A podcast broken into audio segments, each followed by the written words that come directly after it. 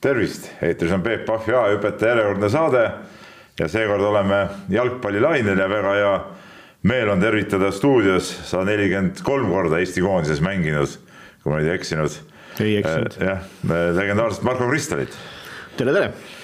no koondis mängis alles siin ilusaid mänge, vaatasid ka, mis mulje jäi?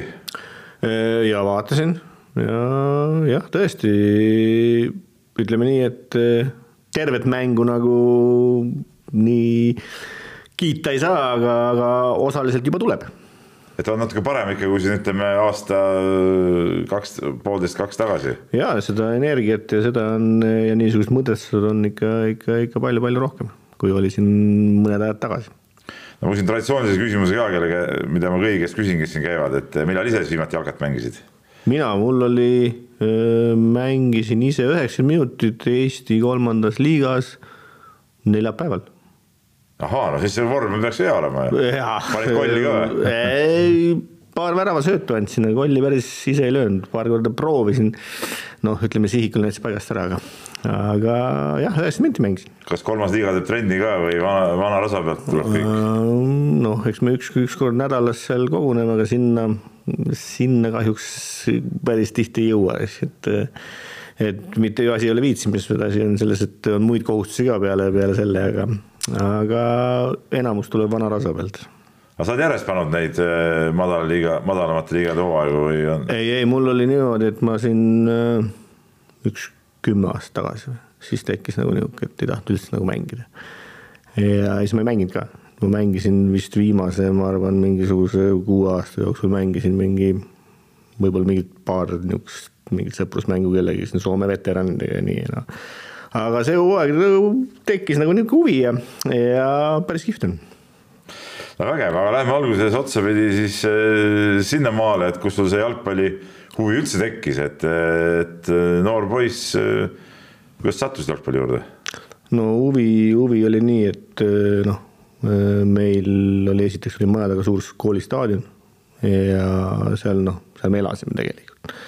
Martin Reim elas must äh, kaks korrust kõrgemal ja noh, ta isa oli, isa oli treener ja, ja ütleme nii, et päevad ju tegelikult nii kui muru välja tuli, kui lumi ära sulas, nii me seal staadionil elasime, mitte ainult meie, vaid noh, meil oli me mängisime seal, ütleme tavaliselt oli niimoodi, et äh, üksteist üheteist vastu üle väljaku ja, ja siis olid varumehed ja, ja see käis nagu igapäevaselt, et, et see jalgpall, jalgpall oli, oli nagu kogu aeg olemas no ütleme, Martin Reim oli sinust vist kaks aastat vanem või? kaks aastat vanem. ja, ja ütleme, nemad moodustasid ju selle, ütleme, Reimi isa ja, ja Roman Nubakivi hakkasid seda Lõvide meeskonda tegema, siis see see koorekiht oligi sinust kaks aastat vanem, aga sa sattusid ka ikkagi, said, said sinna otsa peale nii-öelda noore no, poisina. sain otsa peale jah, selles suhtes, et eh, ma mäletan, et esimest korda ma olin kuu aastane, ma olin kooliski veel. ja siis äh, Olev Reim äh, kutsus mu trenni. ja ma mäletan seal, nüüd on vist Mustamäe gümnaasium siis ta oli neljakümne neljas, siis seal väikses saalis, seal oli, oli, siis oli mul seal esimene trenn ja, ja nii ta läks.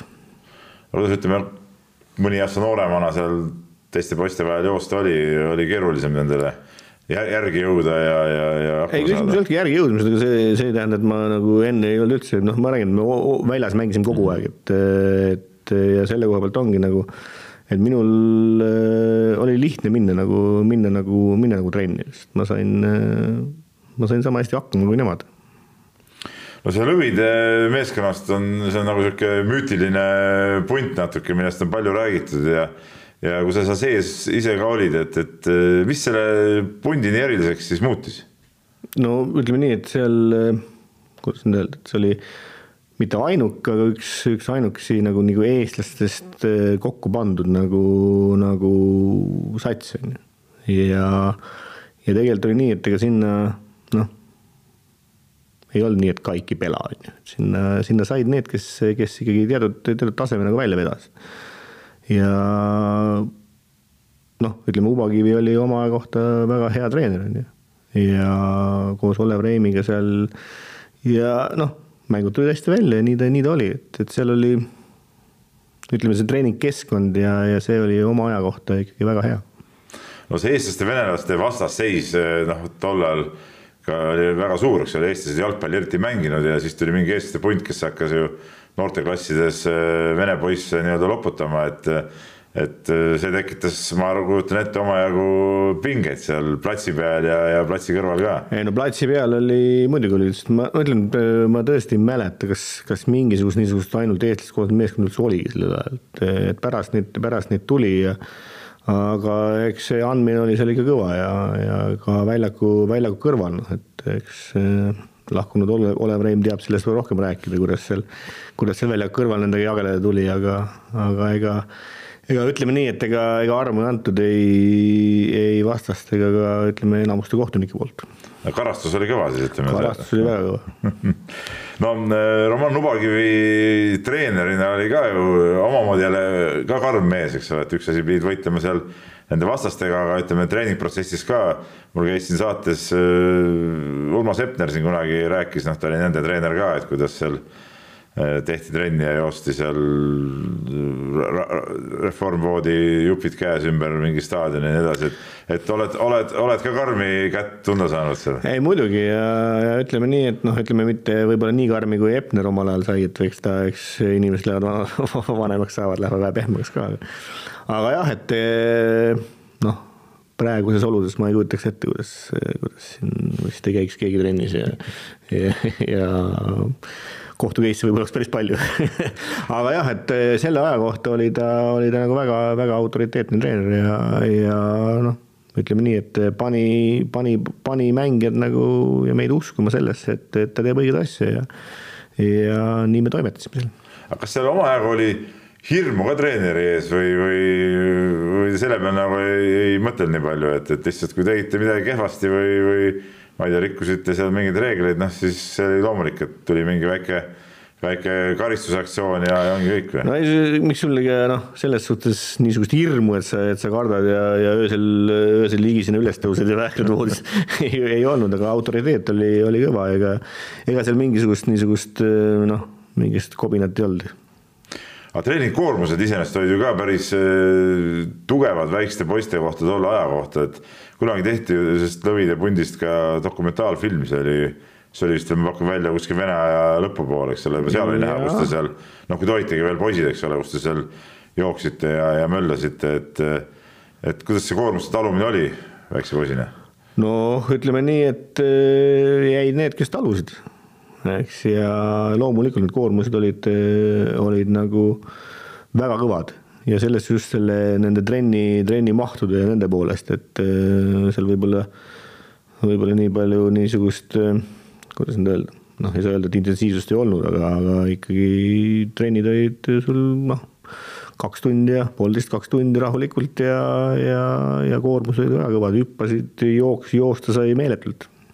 No kas sa tol ajal teadsite, ütleme näiteks võrreldes seal teiste võistkondadega, et, et äh, palju te rohkem tegite või, või palju intensiivsemalt te tegite, oli teil mingi aimdus ka või? ei, selles suhtes ega noh, see oligi niisugune aeg on ju, et ega me, me ju ei kahelnud midagi sellest, et kui treener tuli, ütles, et nii peab tegema, siis nii me, nii me tegime. Ja mida teised tegid, ega me ei teadnud eks, et selles suhtes äh, ja ega see eriti huvitanud ka mida, mida nad nagu tegid, aga me tegime seda ja hüppasin nii palju kui vaja on, jooksime nii palju kui vaja on ja, ja siis äh, noh, ütleme, et äh, see oli selle, selle, selle aja, aja märk ja, ja kõik uskusid seda, mis, mis treener rääkis. no vaadates, milline põlvkond sealt välja kasvas, siis järelikult kõik oli õige, eks ole, et kedagi, kedagi ära ei rikutud ju kokkuvõttes. Äh, noh, jah, et eks alati on tagantjärgi nagu tagantjärgi tark olla, et mis siis oleks, kui oleks teinud nagu teistmoodi, et aga noh, ma ütlen, et see oli äh, sellel ajal oli nii, uskusime treenerit, äh, teadsime, et see on õige ja, ja niimoodi on. no mis need tolle aja ägedamad võistlused olid, et, et üleliiduliselt oli ju see nahkpall vist oli see mingi. nahkpall oli jah, aga ja. kuna ma olin, ma olin teistest nagu kaks aastat noorem. sa ei tahtnud mängida minu meelest, kas ma jah, et seal ei tohtinud nagu, seal ei olnud nagu nii, et, et sul nooremad võisid mängida, nahkpallil ma ei käinud, Helsingapil ma ka ei käinud. eks. mitte kummagi, sa käid kaks korda? jaa, mitte kummagi. ma pole kunagi Helsingapil käinud, ühtegi korda. vaatamas olen käinud aga jah, kuna ma olin kaks aastat noorem, siis nendel niisugustel turniiridel ma ei käinud. Aga sa said siis mängida, ütleme siis nendel Eesti meistrivõistlustel endale. Eesti meistrivõistlustel jah, et ja siis moodustati seal veel mingisugune meeskond oli minu et Ilves oli selle asja nimi vist või mingi nii. võimalik, ma isegi seda ei mäleta, ma olen sama ajastu mees, ma täpselt ei mäleta seda. ja, ja siis jah, sellel ajal jah, ma sain neid meistrivõistlusi mängisin, mängisin ja, ja siis aga jah, kuskil turniiridel ja niisuguste üleliidustel ma ei käinud. oli kahju ka, kui teised kutid sõitsid minema, sa pidid nagu maha jääma ah, ma ei mäletagi seda, et kas sellel ajal nagu kahju oli, eks ikka muidugi oli, et sa tahtsid ka nagu mängida ja, ja. ikka äge lihtsalt sõita kuhugi. said sõita kuhugi jah, ja, ja noh, ütleme nii, et äh, sõitmisega jah, et siis kui ma kuusteist sain, siis ma sain, äh, siis mängis seal sport mängis sport või ka SMK. siis ta ei olnud sporti või? siis ta vist oli sport, siis ma noh, siis ma sain sõita küll mööda Venemaad. ja ei, ma sinna tahtsin ka jõuda ja, ja, ja, ja. et äh, jah, loomu-, loomulikult selles suhtes, et kui, kui Helsingi kapil ei noh ei, ei saanud loomulikult sellel hetkel oli see suured asjad, kas minna saadad Soome või ei saa ja nii noh. aga kas toona koolipoisina noh, et sa oled nagu vutimees ja, ja, ja äge vend. Kuidas see vutimeeste maine nagu oli, et, et jalg, noh, see ei olnud nagu nii populaarne spordiala tol ajal veel ju äh,. tüdrukud ikka vaatasid, no sul olid ilusad pikad juuksed ka, et sind ikka vaadati või siis sul polnud pikki juukseid ei pannud tähele, kas nad vaatasid või mitte aga ei, selles mõttes, et koolis, koolis oli noh muidugi mõistsid kõik. et selles suhtes oli nagu positiivne, et, et kui oli vaja nagu kuskil ära olla, siis ikka olid ära ja ja peaasi, et õppimine korras oli ja tavaliselt noh, aidati, aidati seal koolis korras hoida aga te laagerdasite ka siis äh, kuskil ütleme Tallinnast väljas, käisite vahepeal harjutamas või, või kuidas nüüd? no lõ, jah, lõvidega me käisime ikka, olime Illustes. ahah Illuste on, on. Illuste on jah, Illuste oli see koht. see on see, kus, kus ka need äh, kasvumehed käisid. jah, et see ja. oli kadunud Allan Torbek oli seal laagrijuht ja seal, seal me laagerdasime ikka noh, ma ei tea, kas, äh, kas päris kuu, kuu järjest oli, kakskümmend päeva kindlasti ja, ja suvel ikkagi mitu korda. no need on sellised asjad, mida tänapäeva ütleme, need võistkonnad ei suuda teha, sest keegi ei jõua seda kinni maksta, aga toona, toona oli see võimalik. toona oli väga hea, oli keegi midagi maksma ei pidanud, vanemad said sinust lahti suveks ja, ja, ja, kõik oli väga okei okay.. no laagrites sai pulli ka või? Jah, sai seal igas, igas asju tehtud jah, muidugi ütleme, Torbek oli laagrijuhina niisugune noh, ütleme karm mees ja, ja siin niisugune uba, ubakiviga võrdne, et ega seal midagi noh, palju pulliks aega ei jäänud, aga no, ikka sai. ütleme selles suhtes jah, ütleme sul et treener ja laagriülem ja kõik on siuksed ühe, ühe vitsaga löödud nagu, et, et siuksed tõsised mehed, et mingid. Ei, seal jah, suurt, suurt korda või noh, ütleme nii, et seal suurt pulli tegemiseks ei olnud, et noh, et kui oli öörahu, siis oli öörahu on ju noh, aga eks ikka kuskil midagi hiilisid ja kuskil midagi tegid, aga ütleme nii, et äh, vahele jääda küll ei tahtnud.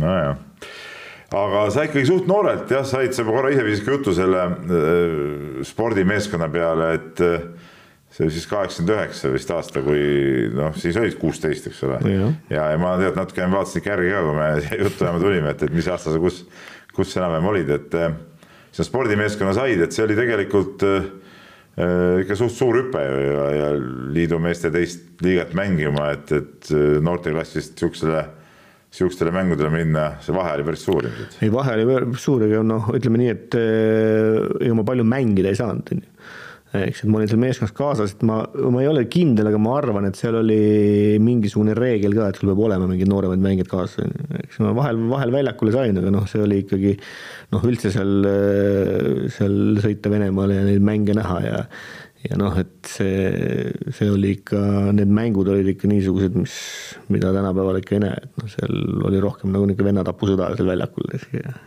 no ma mäletan, kui ma ise ka käisin äh, noore, kui see meeskond tuli üldse, see kuskil kaheksakümmend kolm või mingisugusel aastal loodi ja siis ma ikka käisin ka vanal Komsomoli staadionil neid mänge vaatamas ja, ja, ja ütleme noh, siis see tundus kõik nagu ikkagi väga äge, eks ole, sest noh, jalkat ju polnud olnud meil Eestis ja, ja siis sai ka nähtud seal need Petsasarjad ja, ja mis ime, imevõistkonnad seal olid.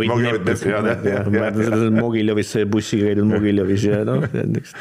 aga, aga ütleme kokkuvõttes ta oli ikka suht mudaliiga ju tegelikult nii ütelda nojah, aga seal samas samal ajal ega sa ei teadnud, noh, ütleme Eesti, sa mängisid siin eh, neid Eesti NSV meistrivõistlusi mm. on ju ja, ja noh, ütleme seal oli ikka, ikka kõvem andmine kui siin on ju, et noh, et, et loomulikult eh, kui sa praegu võtad, siis jah, liidu teine liiga ei ole sul, seal oli kaks liigat veel eespool, nii et mm -hmm. aga jah, et see tase oli nagu ütleme, ütleme ikkagi kõvem kui siin Eesti, Eesti meistri, Eesti NSV meistrivõistlusel. no ma olen lugenud äh, mingeid vanu asju ja sellest on räägitud ka, et seal sihukest, ütleme lõhkumist ja asja oli päris, päris palju sellel tasemel just. Äh, et, et äh, ma mäletan, et kuskil oli ka mingi jutt kunagi, et et Olev Reim näiteks oli selle vastu, et Ubakivi neid noori poisse sinna üldse nagu mängima paneks, et, et lõhutakse ära noored noored mehed. no seal jah, eks seda lõhkumist ja no ma ütlen, et see, see oli ikka niisugune vennatapusõda seal väljakul, et, et väga jõhki, noh, ütleme mitte jõhkralt, aga, aga väga jõuliselt mängiti ja ja noh, ütleme nii, et noh, keegi, ma ei tea, kas tänapäeva noored üldse teavad, mis asi kuuesed putsad nagu on. ehk siis, mis treiti ise treiti korgid alla ja noh, need ei vastanud ju mitte mingisugustele standarditele, et need olid nagu niisugused et eh, noh, niisugused nagu piigid olid all ja noh, et seal käis ikka noh, ikka korralik andmine, et eks see noorte, noorele mehele muidugi oli, oli, oli nagu väga karm sinna, sinna minna, et ma palju mängida ei saanud, eks, kui nii palju, kui ma sain. noh, midagi ei juhtunud, eks, aga, ja vist ei juhtunud mitte kellegagi tegelikult seal noortest poistest, aga, aga eks niisuguse Aklimaa masinasse minek oli. no üldse see kõik see et, et mängitakse liidu teist liigat, meeste sats, seal olid ju mingid vanad mehed ka ees. Ütleme noorele poisile, ütleme, kas sinna sisse sulandumine sellesse seltskonda, eh, ütleme eeldas ka mingisugust, ma ei tea, pidid sa midagi tegema või kuidas sinna sinna võistkonda sissesaamine on, no tead, mõnes kohas on mingid rituaalid, eks ole, et.... ei, selles suhtes, et eh, noh, niisuguseid rituaale ma küll nagu ei, nagu ei mäleta ja, ja see sulandumine, noh, ma olin noor poiss, ega ma seal ei läinud kellegiga õhtuti tubadesse istuma ja nii ja naa, eks ma, eks ma olin seal omaette rohkem ja ja niisugust mingit, mingit sulandumisprobleeme nagu, nagu ei olnud, eks, ja, kuna see, ega see kestis nagu, nagu vähe aega tegelikult mm, -hmm. et, et siis, siis mingisugust, mingisugust rituaale minu peal ei tarvitatud. Ega, ega ma mingisugust suurt, suur sisseelamisprotsessi läbi tegema ei pidanud. Aga sa ütled, et äh, mingid mehed kogunesid tubas, oli mõnikord näha ka järgmine hommikul, et mingid vanemad mehed, võib-olla mingid vene mehed on, on nagu eelmine õhtu päris kõvasti kogunenud. noh, eks koguneti jah, päris tihedasti selles suhtes, et äh, noh, aeg oli niisugune ja ja sai koguneta ja sai kogunetud ja sai mängitud, nii et äh, eks neid asju ikka oli, said palka ka selle aja eest? sain küll, jah ma täpselt ei mäleta, kui suur see summa oli, noh, rubladest oli, on ju, ja, ja eks meil oli mingid päevarahad ja mingid talongid olid ja, ja kuskilt, ma mäletan, mingist Kajaka restoranis sai kuskilt talongidest lõpuks sellest šokolaadi võetud ja ma ei tea. et niisugused asjad olid jah, et, et mingit tasu me saime, jah. aga sa sel ajal juba sihuke kuusteist, seitseteist vanuses ütleme sellises süsteemis olles olid enda jaoks selgeks teinud, et, et see ongi sinu elu nüüd või? Ei no kuueteistaastaselt suurt ei mõtle, mis sa nüüd, tahad kolmekümne kaheksaselt saada, kui ma ei tea, kelleks on ju. eks, et eh, sa olid seal, sul oli see võimalus, sa tegid seda ja noh, mina, ma olin kuusteist vist, eh, kui ma hakkasin nagu esimese ametliku lepingu tegin minu meelest, eh, et ma hakkasin nagu sellest raha saama, et noh, et see asi läks nagu, läks nagu niisugust loomulikku rada, et, et said kuusteist, sa said palka, sa mängisid jalgpalli käisid koolis, elu oli lihtne. ja nii ta läks, ega sa ei mõelnud selle peale, et ma nüüd, äh, nüüd äh, viie aasta pärast ma tahan olla kuskil, kuskil, äh, ma ei tea noh, selle. liidu kõrgliigas. liidu kõrgliigas, et selle peale sa ei mõelnud, et, et see asi läks nii nagu, nii nagu, nii nagu ta jooksvalt läks. et jah, et siukseid suuri unistusi ei, ei, ei, sa ei ole siuke romantik. ei, ma ei jah, et eks need noh, ega seal palju, palju midagi unistada ei olnud sellel ajal et kuhu, jah, et võib-olla Tbilisi Dünamo oli võib-olla eesmärk kellelegi või ma ei tea. aga jah, et see läks nagu, läks nagu niimoodi, ütleme noh, võtame päev korraga.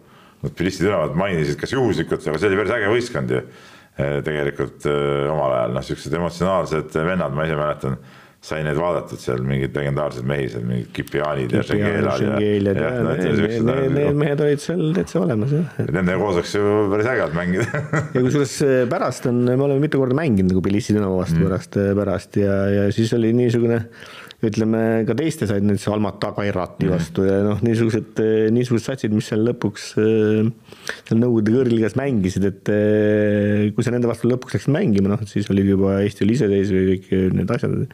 aga see oli pull nagu niisugune meenutus, et oo, need olid seal kõrgliigas. et peaks nagu kõva sats olema, eks ole, mis siis, et võib-olla enam tollal polnud nagu midagi. Dušanbe, Pahtakor. et noh, siuksed ägedad, ägedad nii, aga, aga siis oli sihuke väike üleminekuperiood, eks ole, see liidu asi lõppes ära.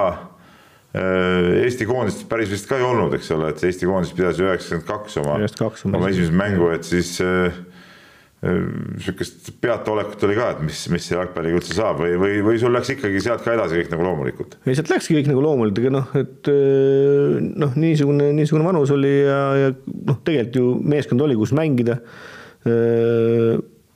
selle eest sai mingi taskuraha koolis, koolis käisid ja kõik, kõik see asi kulges, kulges nagu niimoodi nagu noh, loomulikult, et ei loomulikult sa panid tähele seda, et noh, et sa Venemaale enam ei lähe, on ju, tulid Eesti meistrivõistlused oli, oli, pidid siin mängima, kuidas need asjad välja kukkus kõik ja, ja see asi läks nagu väga-väga loomulikult, et niisugust mingisugust noh, kahetist mõtlemist ka, ka selles mõttes, et kas jätta jalgpall maha, niisugust, niisugust mul pole olnud. aga mis see sinu mäletamist mööda see Eesti iseseisva Eesti algusaastate tsempionaat endast kujutas, et kui, kui kõva see tase sinu arust nagu oli? no ütleme, et tal oli, ta oli ühtlasem selles suhtes palju-palju ühtlasem, oli noh, iga meeskond ikkagi oli niisugune, eriti alguses. ja selle, ütleme selle Eesti noh, selle nõu ENSV lõpupoole, et need sats oli ühtlaselt ja oli palju niisuguseid, niisuguseid nagu, kes olid mäng, mänginud enne mingilgi tasemel kuskil, kas kasvõi liidu teises liigas või kuskil, kuskilt mujalt, mujalt siia tulnud, et, et mängu, mängumehi oli, oli palju rohkem selles, selles nagu meistrivõistlustel. no samas ütleme, ajad olid ju, ju ka rasked, eks ole, tuli see Eesti Vabariik, raha oli vähe, et ega neil klubidel ju väga palju pakkuda ei olnud ilmselt mängijatele, kes. ei, seal ei olnudki nagu ja, ja siin oligi nagu noh, et kui sa võtad, võtad nagu selle noh, ütleme Vene aja lõpu ja Eesti algus, et noh, oli tempo, oli taksopargi mm -hmm. seal, et noh, sa töötasid taksojuhina, said mingi lisakopika selle eest, et sa mängisid ja, ja siis mängumehi oli seal küll, on ju, samamoodi oli noh, igastuse tehaste juures oli, oli meeskond Norma, Norma ja, ja, ja kõik, ja, kõik need asjad, et, et seal oligi nagu nii, et sealt pandi see meeskond kokku ja ju nad said, said mingisuguse lisa nagu niisuguse selle eest, et nad, et nad käisid mängudel ja, ja siis oli ju noh, jalgpall oli selles mõttes nagu nende vanasti ju nõukogude ajal tehaste ja nende mm, -hmm. nende, nende meeskondades ja nende direktorid, neil oli noh, auasi, kui seal oli, oli sul, sul oma jalgpallimeeskond ja ja kui oli näiteks Kohtla-Järve keemik, noh, et seal oli ju. kõik olid keemikud. kõik olid keemik, kõik olid keemikud ja vahel sa said, said tänu sellele, et jalgpalli mängisid, said keemikuks on ju. ja eks nii see, nii see asi käis no lõpuks ikka siis Eesti jalgpall jõudis nii-öelda rahvusvahelisele tasandile ka, et, et kui palju sa mäletad seda Eesti koondise esimest mängu, no sa tulid sealt ise ka vahetusest ju sisse. see legendaarne üks-üks lõppenud matš, et ütleme, kas see on üks siukseid mänge, mis sul nagu on kuidagi nagu eredamalt meelde jäänud näiteks? no eks ta kindlasti on, ilmselt noh, ta on meeles, ma mäletan seda, kuidas Pusto sealt kuueteist pealt nii hirmsa lataka pani sinna, sinna lati alla ja. ja, ja, ja siis noh, ütleme sellel ajal oli isegi nagu noh, juba Kadriorus mängida ja publikut oli ja, ja see oli nagu hoopis, hoopis teine asi ja esimene põhimõtteliselt nagu rahvusvaheline mäng ja Sloveenia ja, ja noh, niisugune, et eh, eks ta oli emotsionaalselt kindlasti, kindlasti väga kihvt no see koondise trall pärast seda läks sinu jaoks ikkagi päris, päris suure hooga käima, et sa jõudsid, mis sa olid, saja mänguni jõudsid, said Euroopa kõige noorem mängija, kes koondises saja mänguni on jõudnud. jaa, ma olin väravavõrd selles mängus. no et, et, et, et see koondis oli, ütleme sinu jaoks nagu kuidagi nagu põhifookus, eks ole, noh, klubi jalgpalli muidugi ka, aga ütleme koondises sa said ikka nagu väga palju pildil olla nojah, et aga see oli, see oli jälle järjekordselt oli nagu, nagu, nagu noh, ütleme koondise olla loomulik osa on ju, et, et aga sa tegid oma tööd, sa mängisid jalgpalli, sa said selle eest, selle eest raha, sa mängisid seda nii hästi kui tahad. ja see koondis oli nagu, nagu jälle järjekordselt selle osa on ju eks kui sa, kui sa hästi mängisid, siis, siis koondise, koondise said, on ju. ja need mängud olid noh, need on ütleme väga-väga-väga väga kihvtid võrreldes nagu näiteks ütleme Eesti meistri, meistrivõistluste mängu, kus, kus sul äh, on vahel nagu noh, et selle rutiini pealt sa lähed nagu tegema, siis need olid nagu emotsionaalselt hoopis teistsugused mängud. ja siis ju praktiliselt ütleme neid väiksemaid riike oli tegelikult ju vähem et kui sa vaatad nagu esimesi alagruppe, mis, kus meil loositi, seal olid ju kõik ütleme, selle Euroopa suurklubid olid vasta- või suur, suurriigid, jalgpalliriigid olid vastas ja noh, see, kes olid sealt enne telekast vaadanud MM-il, kuidas Itaalia mängib, siis ne,, siis nende vastu ise minna mängima. Roberto Baggio siin Kadrioru staadionil, eks ole. jah, et, et see on nagu noh, see oli hoopis, hoopis, hoopis teine dimensioon, hoopis teine asi no ütleme, see koondiste esimesed aastad olid ikka suht keerulised, ega seal võite ju ju väga ei tulnud, et see rohkem oli, oli sihuke kaotuse pealt kaotuse peale hüppamine. nojah, et aga oligi nagu see, et eks me hüppasime nagu, nagu ütleme noh, nagu sul vaata ulmefilmides hüppad nagu teist, teise dimensiooni, et noh, et. et see, see, mis me olime siin teinud ja mis, mis noh, nagu. see oli hoopis teine asi, noh, et kui see esimene mäng oli, oli sul siin ametlik mäng oli Šveitsiga kodus on ju, noh siis see näitas seda, et kus kohas, kus kohas nagu tegelikult, tegelikult ollakse, null kuus jah. eks ja, ja siis noh, see on hoopis, hoopis teine asi, et üks asi on telekas seda vaadata, palju seda muidugi nägigi telekas sellel ajal, aga aga teine asi oli nagu ise minna reaalselt nagu mängima, et mis seal, mis seal nagu tehakse, siis noh me olime niisugune, noh, see oli oma, oma ajastu niisugune, niisugune jälle, et ega, ega ei saa ju treeneritele neile midagi ette heita, nad olid sama, samasugust ajastust tulnud ja, ja niisugune meie tase lihtsalt. no Uno Piir oli see esimene treener koondisel, et, et noh, kas praegu, kui sa praeguse konteksti paned, et, et kas kas ta üldse nagu reaalselt nagu vedas nagu välja seda mingiski mõttes seda rolli? ei, ma räägin, et see oli jälle omas ajas oli, oli loomulikult Uno Piir oli sellel, sellel hetkel noh ta vedas, vedas selle asja välja nii hästi, kui ta, kui ta oskas ja kui ta, kui ta sai, kui meil võimalusi ka oli, et noh, et et äh, paraku, paraku see nii oli, et teised noh, see on nagu praegugi eluga, et noh, kui see käib nii kiirelt, see areng, et osad jõuavad järgi, osad ei jõua, on ju, noh, me olime siis samamoodi see, see jalgpall, kuhu meie, kuhu meie nagu sellest Nõukogude, Nõukogude teisest liigast läksime, on ju, noh see oli ju müstilistes teises kohtas üldse ja noh, nagu oligi, et sul ei tulnud, sul ei tulnud vastu noh, ma ei tea mingisugust niisugust väike, väikest riiki, okei okay,, Andorra pärast oli meil seal, neid me algul loputasime ka, nii mis kole on ju mm -hmm.. eks, aga sul tulid ju kohe, kohe näiteks nagu ütleme, Euroopa maailma tipud vastu, noh, Itaaliad, Šveitsid, Portugalid, Šotimaad sellel hetkel, sellel ajal on ju, et noh, et. et see hüpe oli nii, niivõrd, niivõrd suur. aga suur see kultuurišokk sulle mängijana oli, et, et noh, sa läksid, ütleme välismängule kasvõi sinna Itaaliasse või Portugali, mingid suured staadionid, rahvast täis, see on, see on ju hoopis ütleme ka selles mõttes hoopis üks asi on mängul ja teine on ka kogu see asiotaaž on hoopis teine maailm. no ma ütlen, minu jaoks oli see oli noh, see oli, see oli, oligi nagu see, see kihvt elamus. sest kui sa siin mängisid, noh, sul oli jah, võib-olla sul tuli mingi sada, kakssada inimest on ju.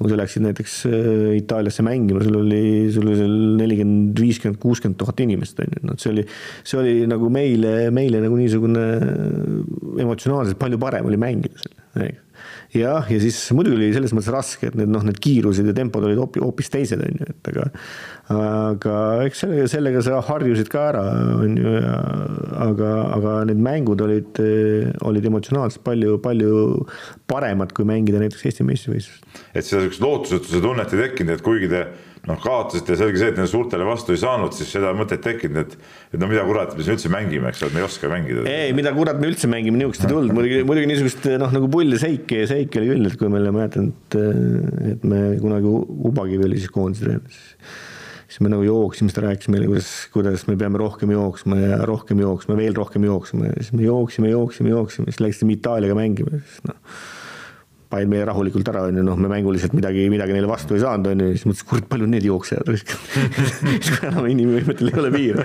noh, pärast lõpuks tuli välja, et nad ei jooksegi, nad, nad, nad mängivad, on ju. aga no niisugused, et mingist niisugust lootuse tunnet küll ei tule, et kuule, et no nüüd enam pole üldse võimalik, aga, aga noh.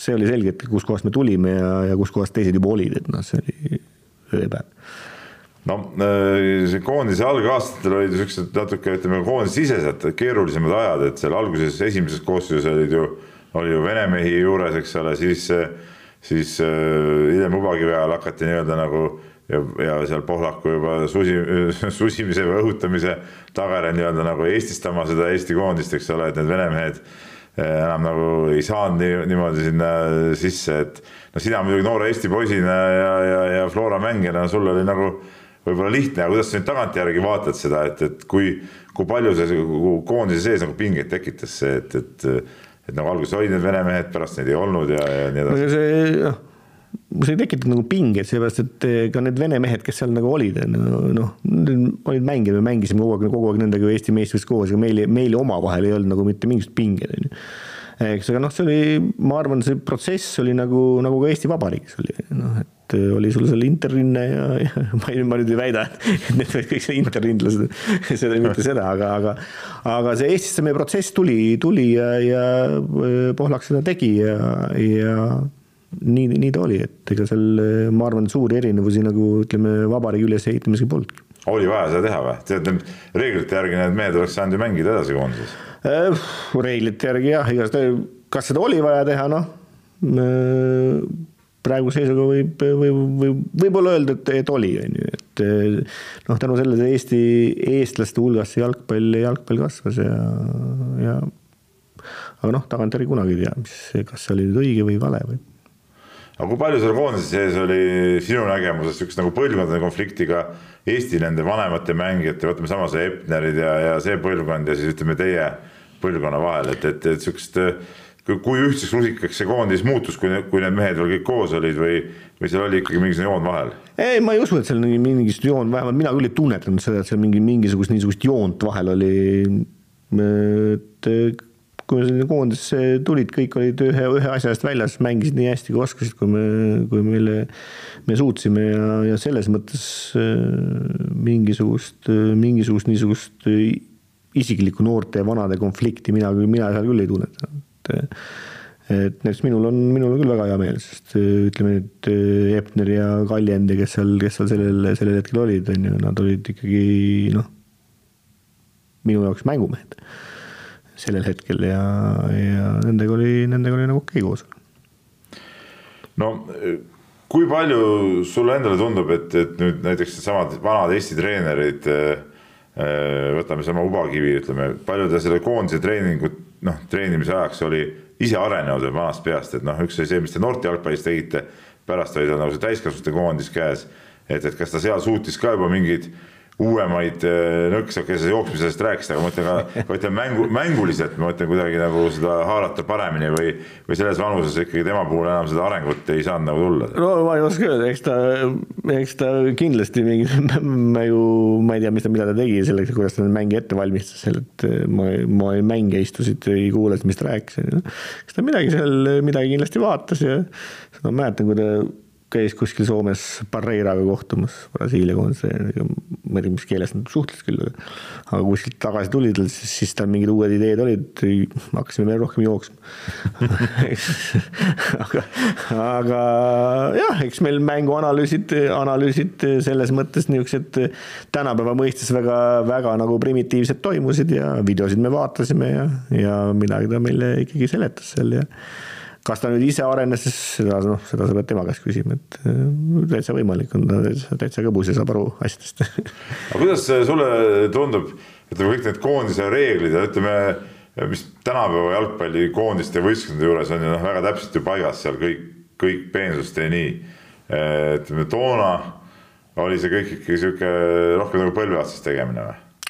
Äh, ütlen veel kord jälle järjekordselt, see oli selle ajastus, eks, et me noh, loomulikult iga, iga korra, kui see, kui see asi nagu arenes, me saime rohkem, rohkem äh, avatuks, rohkem käia, rohkem näha, rohkem siis seda hakkas tulema nagu juurde, on ju, et aga, aga me olime tulnud sellest, sellest ütleme noh, keskkonnast on ju, et no ma toon sulle ühe näite, näiteks kui ma olin Eesti koondise juures treener, abitreener, siis meil oli Jelle Huusiga oli diskussioon seepärast, et siis sel hetkel äh, oli meil esimest korda tuli, tuli, me koosolekul näitasime videosid mm. -hmm. eks, ja meil oli tõsine diskussioon sellest, kas me näitame neid videosid või ei näita.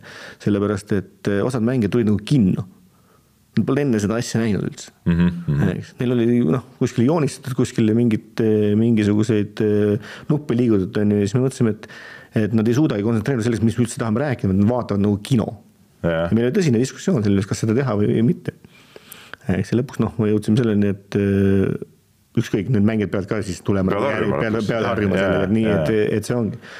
ja see oli nüüd siis kahe tuhandenda aasta algus, on ju. kui sa võtad nüüd veel sinna üheksakümnendate algusse, on ju, et noh, siis noh, kõik need uuendused ja kõik need asjandused pidid tulema kuskilt sisse, on ju eks, ja kas nüüd treenerid, nii palju need tulid, kui, kui palju neid kuskilt nagu aru nendest saadi ja eks need toodi sinna.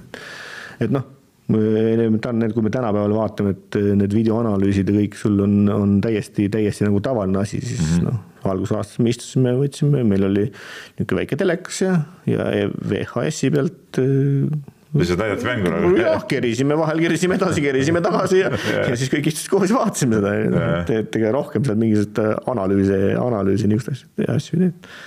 aga palju toona näiteks koondise juureski no klubi jalgpalli juurde me veel jõuame, aga, aga ütleme Eesti koondise juurde, et, et äh, sihukest äh, teaduslikku lähenemist oli, ma ei tea, mingid arstid, meditsiinilised äh, pooled, kui palju midagi teha, mismoodi teha.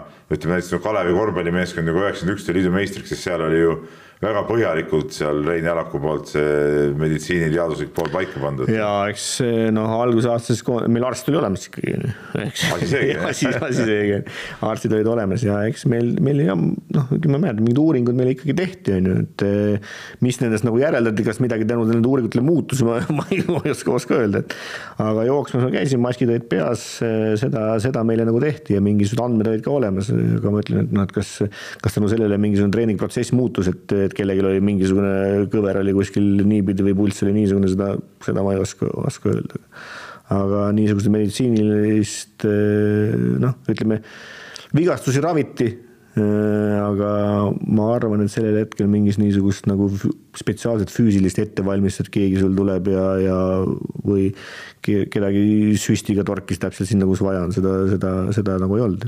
aga kuidas taastumine käis, lihtsalt äh tõid kaks õlut ja läksid magama või, või, või kuidas see no, taastamispool toona oli? kes kahega ära taastas, oli okei ei no noh, loomulikult selle, ega sul mingit spetsiaalset taastumist seda ei olnud, võib-olla sulle anti mingisugust, ma ei tea, hiljem juba mingisugust kaltsiumit või ma ei tea, mida. -hmm. aga niisugust spetsiaalset taastumist ei olnud, pandi hästi kokku ja anti süüa ja, ja koju no öö, omamoodi revolutsiooniline oli Eesti jalgpallis see, kui tuli esimene välistreener Teitur Tordarson tuli, tuli peatreeneriks, et palju see seda elu kõike muutis? no see oli nagu selles mõttes ikkagi väga-väga suur samm ja väga-väga nagu huvitav, et noh, ta tõi ikkagi ütleme seda, seda, millest me noh, ma ei ütle nüüd, et keegi polnud kuulnud midagi, on ju, et aga aga seda nagu know-how'd, mis, mis nagu on, on ju ja kuna mina olen siis mänginud, on ju, ma olen mänginud Nõukogude ajal, ma olen mänginud nende Eesti treenerite all ja ma olen õnnestunud siis mängida kahe, kahe nagu niisuguse välismaalase all. Pipersi all ka pärast jah? jah, Pipersi all ka, jah. siis äh, siis pull nagu ongi see, et noh, et kui sa algul nagu noh, sa usud treenerit ja nii ja naa, on ju, siis tuleb, eriti kui tuli Teitur, on ju, siis kurat, millega ma siin enne tegelenud olen, et nii saab ka või? et see on ju, see on tegelikult ju ütleme noh, heas mõttes palju lihtsam ja, ja, ja noh, tema pani esimest korda nagu ütleme just selle, just selle kaitsemängu, et kuidas nagu saab mängida, on ju noh see oli nagu niivõrd uus ja niivõrd, niivõrd nagu silmi avav, et oh, nii saab ka jalgpalli mängida, see on väga kihvt on. ja no ütleme, Paiupres pani sinna veel ühe vindi juurde nagu noh, et siis sa mõtlesid, kurat, millega me nüüd enne tegelenud oleme. et eh, jah, et ütleme mm, minul on õnnestunud nagu seda, seda nagu mängijana kogeda, kus, kus tõesti nagu tuleb nagu mingisugune uus, täiesti uus asi ja ja, ja väga huvitav asi ja, ja siis sa nagu ise näed, kuidas see, kuidas see nagu mängus ka toimub. aga kas seda uut vastu võtta, ütleme juba siukest, noh, sel ajal sai ikka ka välja kujunenud mängija juba ja ütleme, enamus koondises olid ikka välja kujunenud mängijad, sihukest täiesti uut asja vastu võtta on, on keeruline. kui see uus asi nagu, kui sa sellest uuest asjast aru saad ja kui sa näed, et see asi nagu toimib, siis tegelikult on väga lihtne. Eks, aga noh, sul ongi nagu see, et sa pead sellest aru saama ja sa pead ise nägema, et see toimib, et see ei käi nagu ainult jutt. uskuma ise ka seda. ja uskuma ja, ja, ja noh, ütleme nüüd, kui sa, kui sa näed, et see asi toimib, siis sa hakkadki seda uskuma eks, et eh, noh, see oli nagu vanasti, vanasti täpselt samamoodi, noh, et kui sulle treener tegelikult rääkis, et nii on, noh, nagu ma enne tõin näite, et, et öeldi, et noh, et jookske, siis muidu me ei saa, on ju, noh, jooksid, jooksid, uskusid seda, et noh, noh, nii saabki, on ju. Mhm. eks, ja siis reaalselt nägid, et kurat, no palju need jooksevad, on ju. ehk siis see oli ka samamoodi, kui Teitur tuli, on ju, ta ütles, et noh, et me mängime nüüd niimoodi, on ju noh, kui sa sellest aru said, et ahah, vot nii saab ka mängida ja sa lõpuks ju nägid väljakul, nägid treeningutel, kuidas see asi nagu kõik toimis mm. -hmm. ja tõesti toimis mm, -hmm. siis hakkadki seda uskuma, et ja selles suhtes eh, ei ole nagu, ei ole seda keeruline vastu võtta. keeruline on seda vastu võtta siis, kui sa nagu noh, sa esiteks ei usu sellesse ja teiseks, ega see ei toimi ka, et ainult räägitakse, et vot nii on ja nii on, aga see reaalselt toimis. kas ma mäletan õigesti, et enne seda äh, nii-öelda välistreenerite tulekut oli Eesti jalgpallikoondise kogu kaitsetaktika selles, et peksti pallid lihtsalt pikalt ette-tagasi ja, ja oli, oli kõik või no,? või see on natuke lihtsustatud äh, välja toodud? ei no see on, see on liht-, aga noh, ma ütlen ausalt, et olid, olid aeg, kus, kus me mängisime mees meest üle väljaku. Eesti koondis mängis näiteks, ma mäletan väga täpselt, Horvaatia vastu kodus. Austria vastu kodus, igale anti enne mängu anti number ja, ja sa, ja sa pidid selle venna eest vastutama, et noh et niisuguseid asju on ka olnud, on ju, ja, ja kui sulle siis eh, pärast seda nagu niisuguseid asju tuleb, tullakse ja noh, hakatakse rääkima, et kuule, et liinikaitse, kus sa mängid tsoonis, on ju. Kurat, nii palju lihtsam tegelikult. Ehk kui sa sellest aru saad. Ja siis, kui sa vaatad, et see veel toimib ka, noh. aga kas ütleme, mõned mehed kukkusid ära ka sellepärast sel ajal, et, et nad ei suutnud seda vastu võtta? jah, et et äh, just ongi nagu nii, et sa pead, sa pead sellest äh, uskuma ja sa pead suutma ka seda, seda nagu ise ellu viima ja kas mõnel, kas mõni siis ei, ei uskunud sellesse või ta ei tahtnud seda ellu viia või ei suutnud seda ellu viia. nii et see tegelikult on ju noh, ütleme spordis, äh, spordis ongi väga paljud ei kuku mitte, mitte ära sellepärast, et neil pole füüsilisi võimeid või, või nad ei suuda mingeid, mingeid asju teha, vaid just selle selle kaasamõtlemise ja arusaamise pärast. no mulle endale nagu kõrvaltvaatajana tundus see Arno Pipersi tulek nagu võib-olla, võib-olla kõige rohkem seda kogu jalgpalli muutvaks siukseks eh, teguriks või ütleme, tema viis nagu, nagu selle hoopis, hoopis nagu teisele levelile, et, et no siis ütles ka vaata, et siis, siis jälle said aru, et, et vot mis me siiamaani teinud oleme, et, et, et see oli, see oli väga kõva käik, et sihuke mees seal tuli. jaa, aga Arno Paipers poleks saanud seda ilma Teiturit teha, sest Teituri, Teitur oli, oleks Arno Paipers tulnud kohe esimesena mm, -hmm siis ma arvan, et noh, see samm oleks olnud liiga suur, et, et. siis polnud mehed ära kukkunud kohe. siis eks poleks keegi nagu, et kuna tuli Teitur, kes tegi selle asja nagu tegelikult noh, pani paika kaitse, kuidas kaitses on vaja mängida. Eks, ja, ja tegid selle asja väga lihtsaks, siis.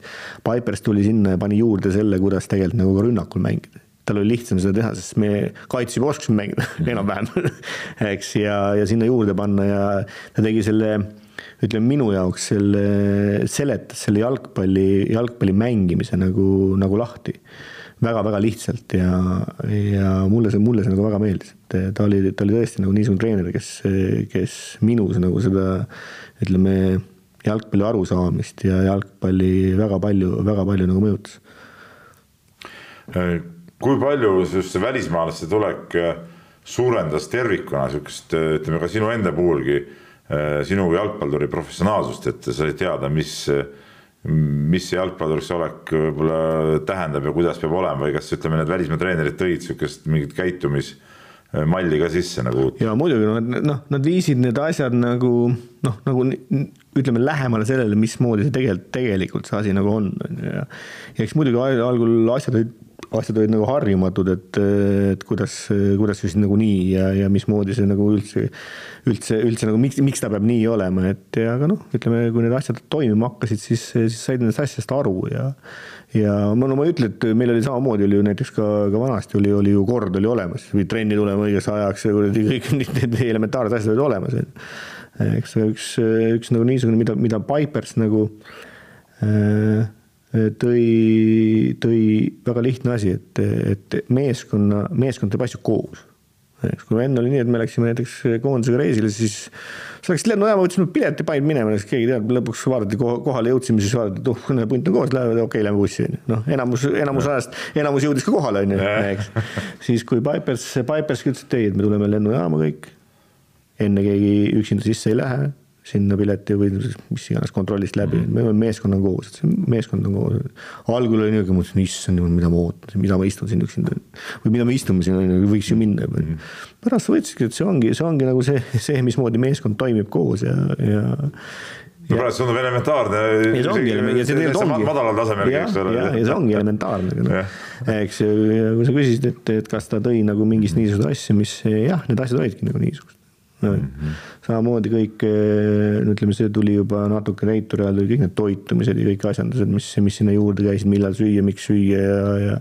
ja mida süüa ja, ja kuidas need asjad käisid, et, et eh, loomulikult need kõik need asjad tulid juurde.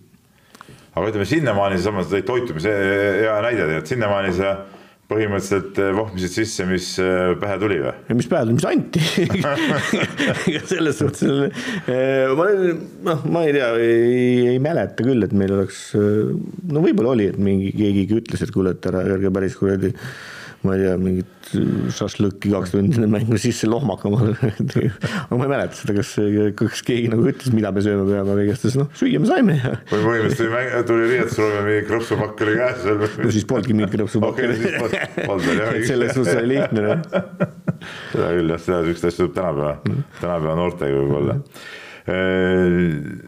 no sa olid kogu aeg Flora süsteemis, et et kas oli nii, et Flora, Flora süsteemist oli ikkagi koondisse pääseda lihtsam, mitte ma ei taha ütelda, et sa oleks nüüd ebaõiglaselt koondisse saanud kehva mängumise, aga üldist pilti kui vaadata, ma mõtlen tead no,. seda on palju räägitud tegelikult. Seda on palju räägitud ja noh, ütleme, kuna me, kuna meil enamus sealt, sealt nagu tuli, et sa olid mängija, sa mõtlesid selle enda peale, sa mõtlesid selle peale, kui sa said koondisse, said koondisse, on ju, et sa ei, sa seda tausta ei hakanud ju mõtlema selle peale, et näed, et seal oli, oli keegi veel, kes ei saanud, et miks ta ei saanud, on ju, et et kas sealt lihtsam on saada, ma ei, ma ei oska öelda, noh, et selles suhtes mina olen alati austanud seda, et see on, see on treenerite valik ja, ja nii see, nii see asi toimub. mis elu, ütleme seal üheksakümnendatel aastatel juba sihuke tavaline jalgpallur äh, elas, ütleme noh, sa olid, äh, olid sa hästi kindlustatud, äh, noh, kuulus sa olid nagunii, eks ole. oli, oli sihuke jalgpallur nagu mõnus tol ajal või?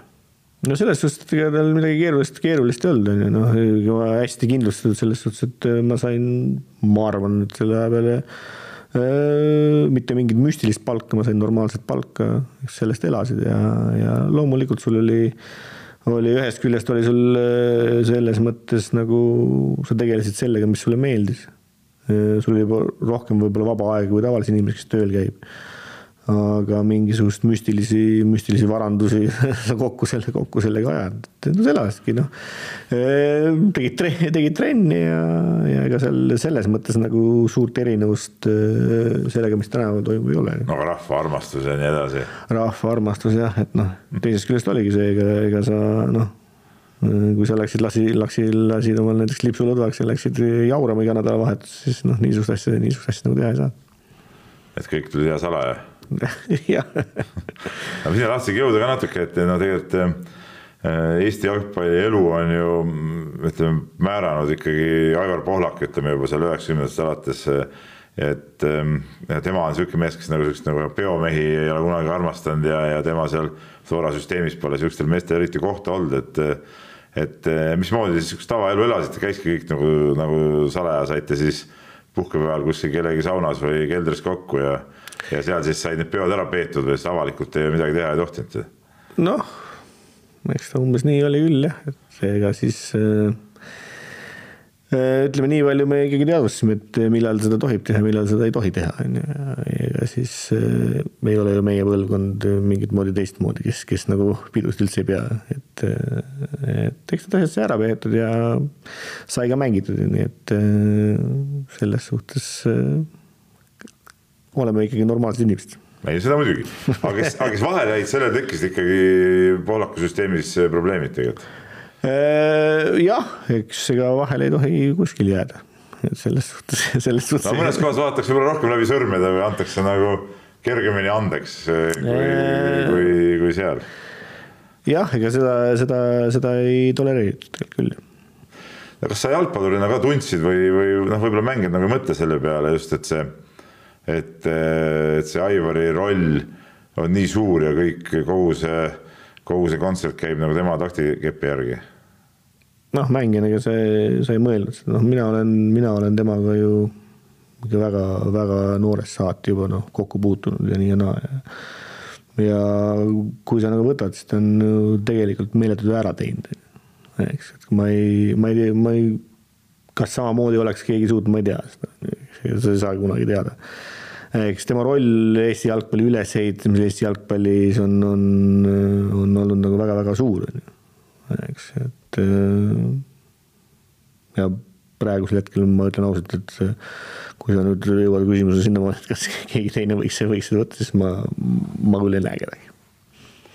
et nii, nojah, et ta on nii palju nagu, nii palju asja sees, et, et, et samaväärselt nagu, nagu tegelast on ilmselt äh, raske leida, et no, mingit sihukest no, ilusa presidendi kindlasti ette leiaks. ja, ja, ja selles suhtes küll, aga.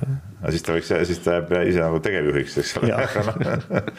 et, et see ongi, et ongi kahesugused presidente, ühed ongi need, kes on esindusfunktsioonid, teised need, kes on nagu presidendid ja ise nagu toimetavad ka hirmsasti, eks ole et.... ja, ja siin noh, me peame vaatama seda ka, et mis, mis ajas see oli, noh, et sellel ajal äh, ju see oli vaja teha niimoodi ja noh, ütleme nii, et äh, et tema ka tegi seda, temal seda energiat oli, on ju. Et äh, kas, kas kõik nagu praegu on nii, noh, see, seda näitab, näitab nagu tulevikus. no ta vedas üles Eesti jalgpalli tervikuna, aga ta tegi ka Florast äh, noh, ikka tõelise nagu klubi ehk siis esimese, esimese nagu siukse päris jalgpalliklubi, mis meil siin Eestis on koos kogu selle süsteemiga, mis sinna no väga laialt, eks ole, läheb alla laiali.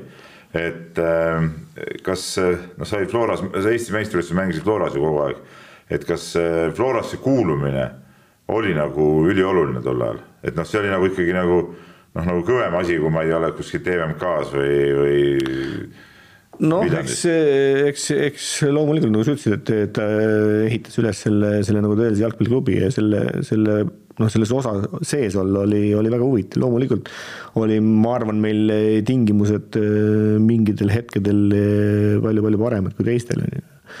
ja noh kui sa vaatasid sinna, sinna tulid ka ütleme, mitte ainult koondised otsa, vaid tulid ka Tordarsoni treenerite, treenerite poole pealt eh, tulid sinna niisugused paremad treenerid ja. ja loomulikult seal oli, oli nagu selles mõttes võib-olla privileegitum olla kui, kui mujal et põhimõtteliselt said Eestis iga päev olid nagu sisuliselt Eesti koondises, võib nii ütelda, noh. no, no, no piltlikult öeldes, et noh, tegelikult paljud kaaslased olid samad, treenerid olid samad, kogu süsteem oli sama ju tegelikult. jah, noh, ütleme nii, et põhimõtteliselt, põhimõtteliselt oli küll jah, nii. no tänapäeval on ikka see, et õige jalkamees on see, kes kuskil välismaal käib, et sa kaks väikest trippi jõudsid ka mängijana välismaale teha, Rootsi ja, ja Soome. Et äh, miks nii vähe ja miks nii lähedal? miks nii vähe ja nii lähedal ei, selles suhtes jah, mul on nagu nii, et mul pole kunagi mingisugust niisugust suurt vigastust olnud kui ma läksin Soome, siis, siis ma sain vigastada pärast neljandat vooru vist, ma mäletan, me tulime veel, meil oli koondise mäng Luksemburgiga, me tulime tagasi ma sain järgmine trenn, sain vigastada.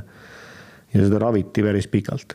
Ja, ja siis, siis seal minuga lepingut ei pikendatud enam. ja tagasi tulles ma arvan, ma tegin ühed parimad hooajad siin Eestis, kui Pipers tuli siia Rootsis äh, läks mul ka selles mõttes vigastuse nahk, et see oli mul, mu kõige tõsisem vigastus, mis üldse oli, et mul alt hüppeliiges löödi ikka päris teistpidi trennis ja, ja sealt, sealt ma tulin ka tagasi. et miks, miks nii vähe, noh, ütleme nii, et jah, nende vigastuse nahka, nahka see läks, miks nii lähedal, noh kõigepealt pidi proovima lähedal, enne kui kaugemale lähed aga kaugemale ma ei läinudki.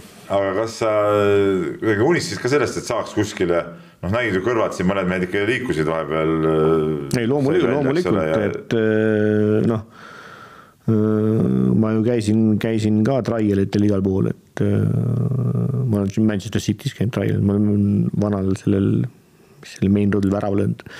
eks ja niisuguses kohtades, et trial käis muidugi, kui kõrvad, kõrvad läksid, loomulikult, loomulikult oli kõik minna, aga, aga samas kui seda ei tulnud, siis seda ei tulnud aga mis sa arvad, mis, mis puudu jäi, ütleme, kas, kas ei olnud nagu õnnelikku, no paljuski need on juhustes ka kinni, eks ole, et, et kuidas, kuidas sul parajasti seal ennast näidates välja tuleb, mis seisus sa oled, mida treener sinus näeb, eks ole, et, et kas sa sul nagu lihtsalt ei, võib-olla ei vedanud või, või, või, või mis? no või... ja, ja lihtne on öelda. ei, seda on lihtne öelda, ei, aga sa oled ise ilmselt kindlasti mõelnud selle peale. ei muidugi, eks seal oli kõik asja, kõiki asjade kokkulangemine oli noh, et seepärast ma tean seda, et Elsporis see treener väga tahtis mind ja ja seal oli nagu niisugune kurioosne lugu, et ma olin tegelikult esimeses mängus, ei esimene mäng oli toimunud, teises mängus ma olin põhikoosseisus. see mäng jäi ära lumetormi tõttu. ja siis ma sain trenni nädala lõpus trennis vigastada mm. -hmm. eks, et eh, noh, kõik, ma arvan, et seal on palju, palju niisuguseid, eh, niisuguseid juhuse kokkulangemisi ka. eks, ja, ja sel, sellel ajal noh, ütleme niisugune eh, võib-olla ma siis ei olnud ka piisavalt hea nüüd ma vanast peast võin enesekriitiliselt öelda. aga, aga ma arvan, et seal on palju juhuse kokkulangemisi.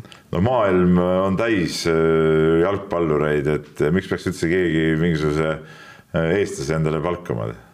Äh, aga miks mitte miks ei. mitte, see on kõige parem vastus taktikaliselt õige. ja et selles suhtes, et ega see, see nüüd nii ei ole jah, et, et kui ma olen nüüd nagu portugallane, siis ma olen nagu kindlasti, kõik mind tahavad, on ju, eks, et äh, Eestis on selles mõttes loomulikult keerulisem välja minna, kui, kui su kodakondsus on eestlane, kui, kui portugallane, aga, aga ikkagi sõltub tegelikult ütleme, suures määras sinu, sinu tasemest eks, ja siis, siis tuleks sinna juurde igasugused asjandused, eh, meeldivustreenerid, lehe, hea agenditöö, kõik need asjad sinna juurde.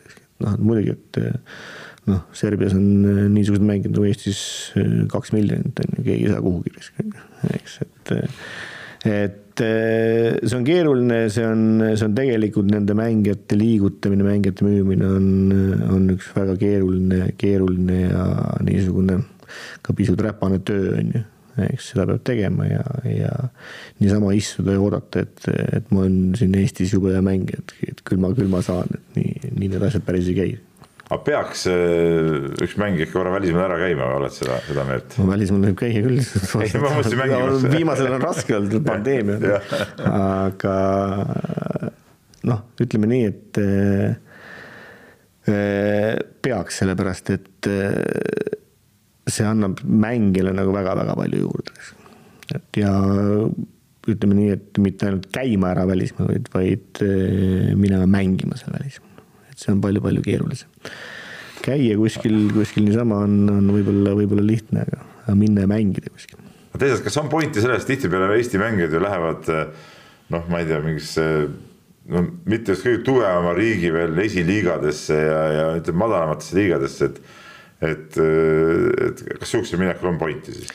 no seda tuleb vaadata jälle, jälle nagu, nagu eraldi minekus ja eraldi kontekstis, kuidas see on, et noh, et kui sul näiteks on, on mängija, kellel on, kellel on vaja keskkonnavahetust, siis võib-olla, võib-olla aastakesse mängida näiteks seal ükskõik kas või, kas või Rootsi esiliigas või, või ükskõik noh, Rootsi esiliiga võib-olla on niisugune ekstreemsem näide on ju, või noh, aga, aga seal mängida võib-olla seda keskkonnavahetust on, on sellele mängijale vaja ja võib-olla tuleb, tuleb ka sealt tagasi, ta on hoopis, hoopis teistmoodi ja näeb asju hoopis teistmoodi ja.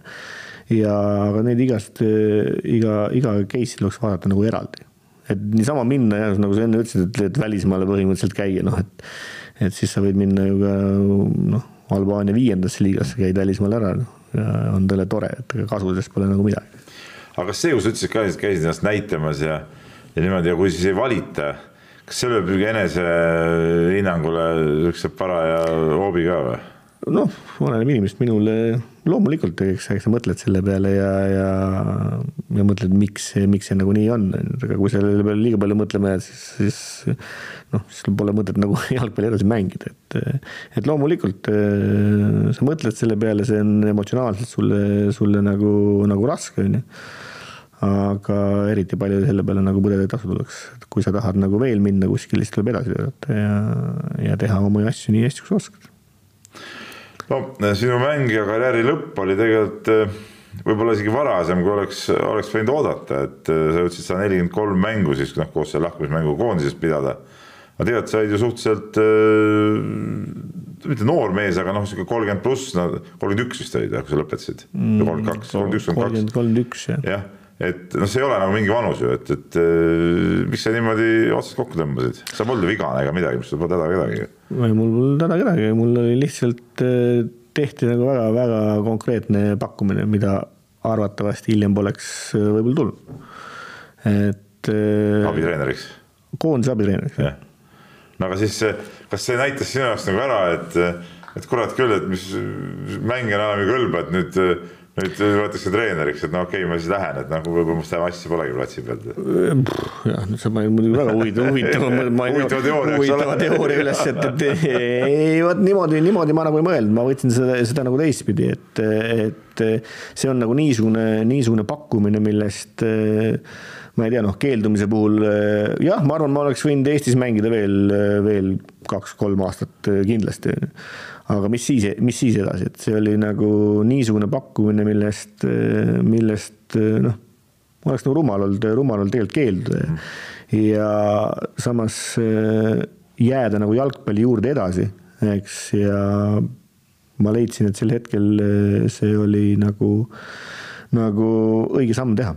aga sa tundsid ise ka, no tegelikult sa ju lõpu, ütleme seal oma karjääri lõpupoole viimastel hooaegadel enam koondises ka nagu noh, suurt rolli enam ei kandnud, eks ole, seal olid, aga ütleme, said vähem mängida juba, ma mäletan õigesti vist.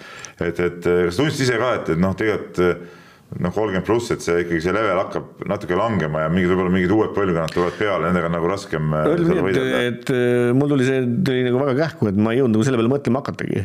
on ju, et kas ma nüüd, kus ma nüüd, et kuidas ma nüüd mängin ja nii ja naa, et, et see oligi nagu see, et meil sai hooaeg läbi täpselt mm. -hmm. ja mul ei olnud, mul leping lõppes hoog läbi ja, ja samal, samal ajal tuli kohe, kohe see pakkumine, nii et noh, ma eriti palju. see oli ka pead, koondise peatreeneri vahetus samal ajal, eks ole, jah. ja see oligi, et ma nagu eriti ei jõudnud nagu juurelda selle üle, et palju ma nagu mänginud olen ja, ja noh, ma võtsin selle pakkumise vastu ja ja ma arvan, et eh, sel hetkel oli see õige samm. ka praegu ka oli, et see oli õige samm, mitte ainult sel hetkel. Ei, ma ei kahtlegi selles üldse ma vaatasin niisama torgin natuke. ja, ja torgi, torgi. et, et aga äh, ütleme, see otsemängijast treeneriks minek, see on alati sihuke natuke keeruline samm, eks ole, noh no abitreeneriks võib-olla natuke lihtsam minna, kui on nagu siuksed näited, kus minnakse kohe peatreeneriks, eks ole, et see on nagu eriti raske. aga kuidas, kuidas sa ise tunned, su roll ju, ju ütleme ka vanade kamraadide äh, silmis ju totaalselt muutus, samas kunagine majanaaber Martin Reim ju siis veel mängis edasi ja korraga sina olid nagu treener ja tema oli mängija, eks ole, et, et oli... peale seda kaks aastat vanem sinust, eks ole, et noh, et, et kuidas see, kuidas see üle elada või kuidas see nagu jah, paika saada enda jaoks? ei no selles suhtes algul, algul jälle ikkagi ütles mulle ka, kuule, sa oled nüüd treener. Et vahel, vahel see nagu, see nagu ununes, ununes, et eks ma, eks ma trennides mängisin kaasa edasi ja, ja nii ja naa, noh, dress muutus sinisest, läks mustaks, muidu lõige oli sama kõik, on ju, eks, ja ja noh, ütleme ta, ta ei olnud, ühest küljest oli jah, nagu minule nagu harjumatu, on ju eks, et selles suhtes, nüüd sa oled nagu treener, sa pead tegema palju asju teistmoodi, on ju. Äh, sul oli palju rohkem toimetamisi näiteks koondise juures, on ju, kui sa, kui sa nagu, nagu mängijana olid, mängijana oli lihtne seal olla, on ju. eks, äh, palju rohkem toimetamisi. samas teisest küljest oli see nagu selles mõttes lihtsalt ma teadsin kõike ma teadsin, mhm. kuidas need, kuidas need noh, need rutiinid seal on, kuidas ma teadsin ka Jellet enne, enne juba. ma olin abitreener enne. ja, ja, ja, ja selles mõttes oli, oli nagu lihtne. kas sa juba mängijana varem ka tunnetasid, et, et noh, ütleme, kui ükskord ikka no karjäär lõpeb, et, et võiks seda treeneri asja nagu tegema hakata, et sa, et sa olid sihuke natuke võib-olla analüütiline ka mängijana juba, et mõtlesid võib-olla, kuidas asju võiks teha või? no ütleme nii, et see oli, see oli, kui mina hakkasin käima treenerite kursusel, siis kui ma veel mängisin eks meil oli, minu meelest, kas Martin oli ka vist käis, seal käisid, käisid mitmed mängijad käisid samal ajal kursustel. ja kuna Pipers ja jälle neid läbi vedasid, on ju, mhm. eks, et siis noh, oli pull, et kui me hakkasime kursustel käima, siis me läksime nagu, nagu trenni, on ju ehk siis oli hoopis teistmoodi, et ahah, meil kursus räägiti, ahah, täna on see trenn mm.. nii et nüüd me saime nagu aru, mis seal, mis seal nagu taust on ja mis mm., mis asjad on ja. ja selles suhtes, kuna see ütleme, see kõik, nagu ma enne ka ütlesin, et Pipersi tulek ja see on nagu noh, ta suutis jalgpalli niivõrd lihtsalt nagu lahti seletada ja ja mulle väga see meeldis ja, ja siis kogu need kõik need kursused olid väga-väga huvitavad ja, ja ja sealt nagu üleminek veel sinna koondise juurde, kuskohast, kuskohast see kõik see nagu see teoreetiline töö, mis räägiti, mismoodi see käib, on ju, viidi ka praktikasse üle, et see oli nagu väga huvitav. ja mulle, mulle nagu väga meeldis. No ilmselt, ilmselt siis jälle nägi ka sinust seda potentsiaali, et see pakkumine, kui tema sai peatreeneriks, noh, pidi olema tema enda poolt ka kuidagi nagu mehitatud nii-öelda. no ma arvan küll jah ja. et see asi nii oli. et ei olnud nii, et mitte, et Poolak ütles, et kuule, nii, see, tema läheb nüüd abitreeneriks, eks ole, nii, nii see, nii ta päris ikka ei käi vist. ei, nii, nii ma ei tea jah, seda sa pead Jelle käest küsima, aga, aga ma loodan küll, et see asi oli nii, et Jelle mind tahtis. no tegelikult su treeneri karjäär on olnud äh, selles suhtes päris äh, ütleme värvikas, et sa jõudnud päris palju klubisid Eestis eh, ka läbi käia, no aastaid on ka muidugi omajagu olnud, et ega ega, ega ei peagi kümneid aastaid ühes kohas olema, et äh, mis su enda arust su treeneri perioodi sihuke kõige tipum võib-olla sihuke aasta või, või aastad on olnud? noh, kui sa niimoodi küsid, siis ma võin konkreetselt vastata, et see nüüd, ma arvan, Levadia teine-kolmas aasta. eks, et et, et see oli nagu, see oli nagu siis, kui me eh, Indrek Selinskiga ükskord, ma arvan, see oli mingi kolmanda aasta, kolmanda aasta keskel kuskil, et siis, eh, siis me seisime veel platsi kõrval mingi mängu ajal ja siis, siis ma ei tea, kas Indrek mäletab seda, siis ma ütlesin, et kuule, et vist hakkab toimima. Et see kogu see, kogu see meeskonna ülesehitus ja meeskonna, meeskonna mäng, et noh, et, et see oli nagu niisugune nagu nagu me, me nagu tahtsime näha, on ju. eks, et äh, aga see treeneri, treeneri nagu kulgemine, üks asi jah, koondise abitreeneriks saada kohe pärast mänge, seda ma ei tea, kuidas, kuidas sellega on, võib-olla see on nagu okei okay,, aga aga see, et ma Levadias äh, selle nelja aasta jooksul edukas olin, noh, ütleme, et see ei oleks olnud ilma selleta, kui ma poleks olnud äh, poolteist aastat Tartus et nagu sa enne ütlesid, et mängija juurest minna nagu peatreeneriks ja ütleme ka, ka peatreenerina kohe minna, minna nagu, et ma tulen noore treenerina ja ma tulen kohe kuhugi tippmeeskonda ja võidan sellega, on, on keeruline. et selline peab ka sisse elada, sinna tuleb aru saada, mis seal toimub, kuidas välja kujundame veel oma niisuguse nägemuse sellest ja, ja see on nagu, see on nagu natuke, natuke pikem protsess aga need Levadia aastad eh, just, just need teised-kolmandad, kui me tulime kaks korda järjest nagu meistriks. eks siis need olid nagu, need olid ka töö mõttes ja, ja selles mõttes väga-väga kihvtid no see treeneri elu on selles suhtes ka karm, eks ole, et noh, täna tuled meistriks, järgmine hooaeg eh, ei tule nii hästi välja ja, ja on tuut-tuut, eks ole, vaata, kus, kus edasi saad, et et äh, kuidas neid üle elada, siukseid langusi? Ah, nojah, eks, eks sa, kuidas öeldakse, et sellel hetkel, kui sa, kui sa kirjutad lepingule alla treenerina, siis sa tead, et, et, et ühel hetkel, ühel hetkel, ühel hetkel on sul ka, ka minek, aga ei no noh, nagu inimlikult ikka, eks need, eks need, nad ei ole, need ei ole meeldivad, meeldivad on ju ja, ja kui seal on nagu äh, kui seal on nagu niisugused eh, loogilised põhjused, see, et sa ei, et sa ei saa hakkama, siis on seda kergem üle elada, on ju, et aga kui sa oled nagu, nagu teinud kõik selleks ja kõik on nagu okei okay, siis sulle öeldakse, et kuule, et eh, noh, või sul pole isegi lastud ala, alata midagi teha ja siis öeldakse, siis on nagu, on nagu keeruline. no aga see on nagu inimlikult, ega igal, igal töökohalt on, ma arvan, ma arvan, keeruline ära minna, kui sind, kui sind nagu öeldakse ühel hetkel, et ei vajata, aga aga noh, paraku niisugune see elukutse on ja, ja ega seal midagi suurt kahetseda ei ole. Ei, seda kindlasti, aga ma mõtlen, seal on ka klubid on ju ka erinevad ja erinevate tasemetega, et, et üks asi on, ma ei tea, juhendad siin Levadiat, viid Eesti meistriks, järgmine kord oled Viljandi tulevikus või ma ei tea, pärast kuskil Tabasalus, et see on nagu, see on nagu ka mõnes mõttes keeruline, et, et, et tingimused, võimalused, kõik on nii erinevad. ei, loomulikult ongi ja see, see ongi nagu tegelikult äh, kunst nagu sellest aru saada, et, et noh, kuidas nagu öeldi, et mängijate kohta, et kõik me tahame mängida nagu vanasti AC Milan mängis, et mängijad peavad ka selleks olema selle ja siis ongi nagu, et noh, treenerina sa pead samamoodi aru saama sellest, et kus sa, kus sa nagu oled ja keda sa treenid. eks, et äh, kas sa treenid amatöörmeeskonda, kas sa treenid äh, meeskonda, kes mõtleb, et nad on profid, aga tegelikult on amatöörid, on ju, ja sa pead sellest aru saama ja ja sellest peab ka klubi aru saama, et äh, tegelikult, mis meeskond neil on ja mis, mis eesmärgid neil on ja mis, kuidas sinna jõuda, on ju noh, et et see on nagu keeruline, muidugi on lihtne, lihtne treenida, noh, selles mõttes liht-, lihtne treenida täisprofimeeskonda, kellel on kõrged eesmärgid ja sa teadki, et sa sinna paned ainult ja ja kui sul on ikkagi näiteks ütleme amatöörmeeskond, siis sa pead lähenema sellele teistmoodi ja, ja saama aru ka nendest mängijatest, et äh, võib-olla, võib-olla klubil on eesmärgid jõuda sinna, aga need mängijad on tegelikult niisugused ja, ja selle, selle koha pealt on küll, et äh, seda laveerimist ja arusaamist, kus, äh, kus treener, mis, missuguse meeskonna treener sa oled, et sellest peab aru saama. Teisalt jälle, kui sa oled juba profide treener, siis minna amat-, niimoodi amatööride või poolamatööride treeneriks noh, mis motivatsioon seal ikka nagu olla saab, noh, et äh, ikka tahad ju olla võimalikult kõrgel tasemel ju tegelikult. ei, loomulikult, no kõik tahavad olla, eks me kõik tahame olla, sa tahad ka CNN-is lugusid teha aga, aga muidugi, et äh, noh, paraku, paraku elu on nagu niisugune, et äh, sul ei ole ka palju valida.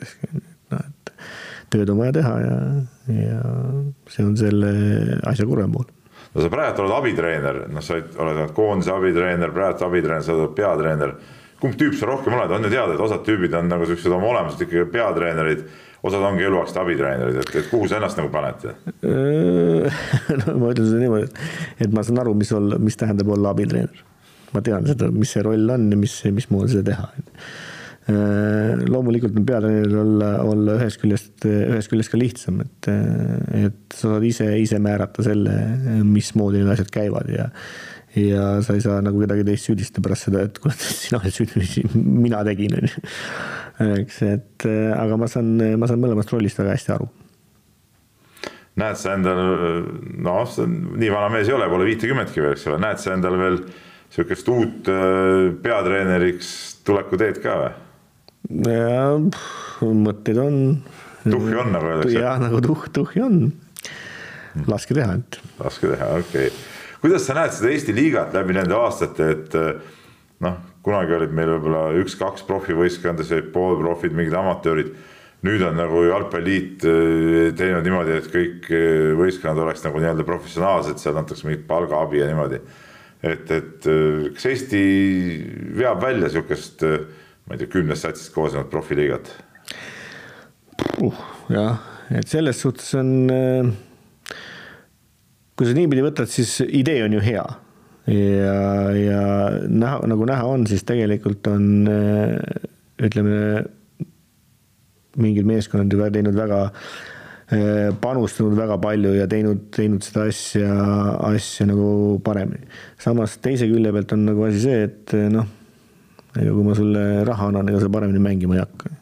ju, eks, et eh, siin ongi nagu niisugune, ütleme, sa pead leidma, leidma, peaks leidma kuidagi selle, selle nagu kompromissi, et, et noh, ainult sellega, et ma sulle raha annan, siis sa paremaks ei saa no see annab võimaluse, see annab võimaluse. Äh, treenida lihtsalt nagu profikombel, eks ole, et noh, sa ei pea minema hommikul tööle ja siis trenni, vaid sa saad hommikul, ma ei tea, puhata ja siis minna trenni näiteks. jah, seda küll, aga kui see mängija on, ongi harjunud niimoodi, et ta läheb äh, hommikul, teeb trenni, kas ta siis hakkab paremini trenni tegema, noh, see on niisugune küsitav, küsitav. samas teisest küljest on, on see õige, seepärast et, et kui sul nagu kui sul nagu ongi ainult neli meeskonda, et sul peab olema ka selleks, et saada heaks meeskonnaks ja heaks, heaks klubiks, sul peab olema kellegiga mängida. eks, ja mida kõrgemal tasemel, seda parem. kokkuvõttes võib ütelda, et ju tegelikult ütleme tipu mõttes on Eesti liiga päris huvitav, et, et, et seal kolm, noh, võib-olla mööndustega neli satsi ju tegelikult omavahel noh, mängivad ju päris, päris ägedalt ju. jaa, et selles suhtes, selles suhtes on, on seal jah, ülemised meeskonnad Äh, mängivad väga, väga põnevalt juba ja kui sa, kui sa nagu natuke nagu sinna taustadesse lähed, siis sa näed, mismoodi nad on ka tegelikult niisugust, ütleme, loogiliste, vähem ebaloogi-, vähe, vähem ebaloogiliste sammudega sinna, sinnamaale hakanud, hakanud nagu minema, et, et, et seda asja teha professionaalsemaks, et seda asja teha nagu, teha nagu paremaks. kuidas sa näed nüüd lõpetuseks, sa alustasid jalgpalliga siis, kui Eesti poisid jalgpalli praktiliselt ei mänginud, nüüd on jalgpall vallutanud, ütleme selles suhtes Eesti, et noh, väga paljudes juba lasteaedadest võetakse lapsi ja trennid käivad ja ja sihuke möll käib, et kas jalgpall on kuidagi ikkagi oma selle koha nüüd ikkagi Eestis leidnud või, või on siin veel arenguruumi, et, et saada nagu mõne päris jalgpallimaa tasemele? no arenguruumi on kindlasti, et, et noh. no Koss on ägedam ju Koss on ägedam, ägedam selles suhtes jah, et aga, aga noh, ma ütlen sulle kohe, kui tuleb, on punt, punt lapsi tuleb kokku, eks, noh, niisama tulevad kokku, eks, ja, ja neile antab pall, mida nad tegema hakkavad? ikka hakkavad äh, toksima seda? jaa, nagu põhimõtteliselt nagu jal-, jalgadega toksima, on ju, eks. ja see ongi nagu kõigi selle, et äh, mille pärast ka jalgpall on nagu tegelikult äh, niivõrd suureks kasvanud, on see, et jalgpall on ütleme, teistest kõige lihtsam. eks et sul piisab, piisab sellest, et sa paned ühe puuoksa ja teise puuoksa, sul on olemas värav, noh, korviga on keerulisem, et sa nagu ei leia seda kuskilt on ju ja, ja võrku kuskil üle kuuseäki mängida on ka nagu. et selles mõttes jalgpall eh, on oma selles loomingulise või no ütleme loogilises kohas nagu olemas. eks, et ta on igal, igal pool ühiskondades ja igal pool selles on nagu noh, nagu mõni näitab, lapsed hakkavad, nad hakkavad mängima jalgpalli. nüüd on küsimus selles, et eh, kui me tahame jõuda nagu sellest äh, sellest nagu niisugusest ainult huvi sellest ja, ja mis on nagu loomulik, et lapsed mängivad, jõuda nagu profili ja teistele, siis sinna on nagu väga pikk maa veel. et selleks on vaja nagu ütleme, infrastruktuuri kõvasti parandada, on ju, et sinna on vaja ka ütleme, nende treenerite koolitusi tuua sisse just niisugusel tasemel, et eh, kuidas nendest siis nendest noortest nagu kasvatada seda, seda, seda jalgpallurit. ja noh, sinna on, sinna on veel minna, minna kõvasti selge, aga selle teadmisega, et on kõvasti minna ja et on üks mees, et andke ainult kätte, et ta teeb. tõmbame tänase saate kokku, suur tänu sulle tulemast.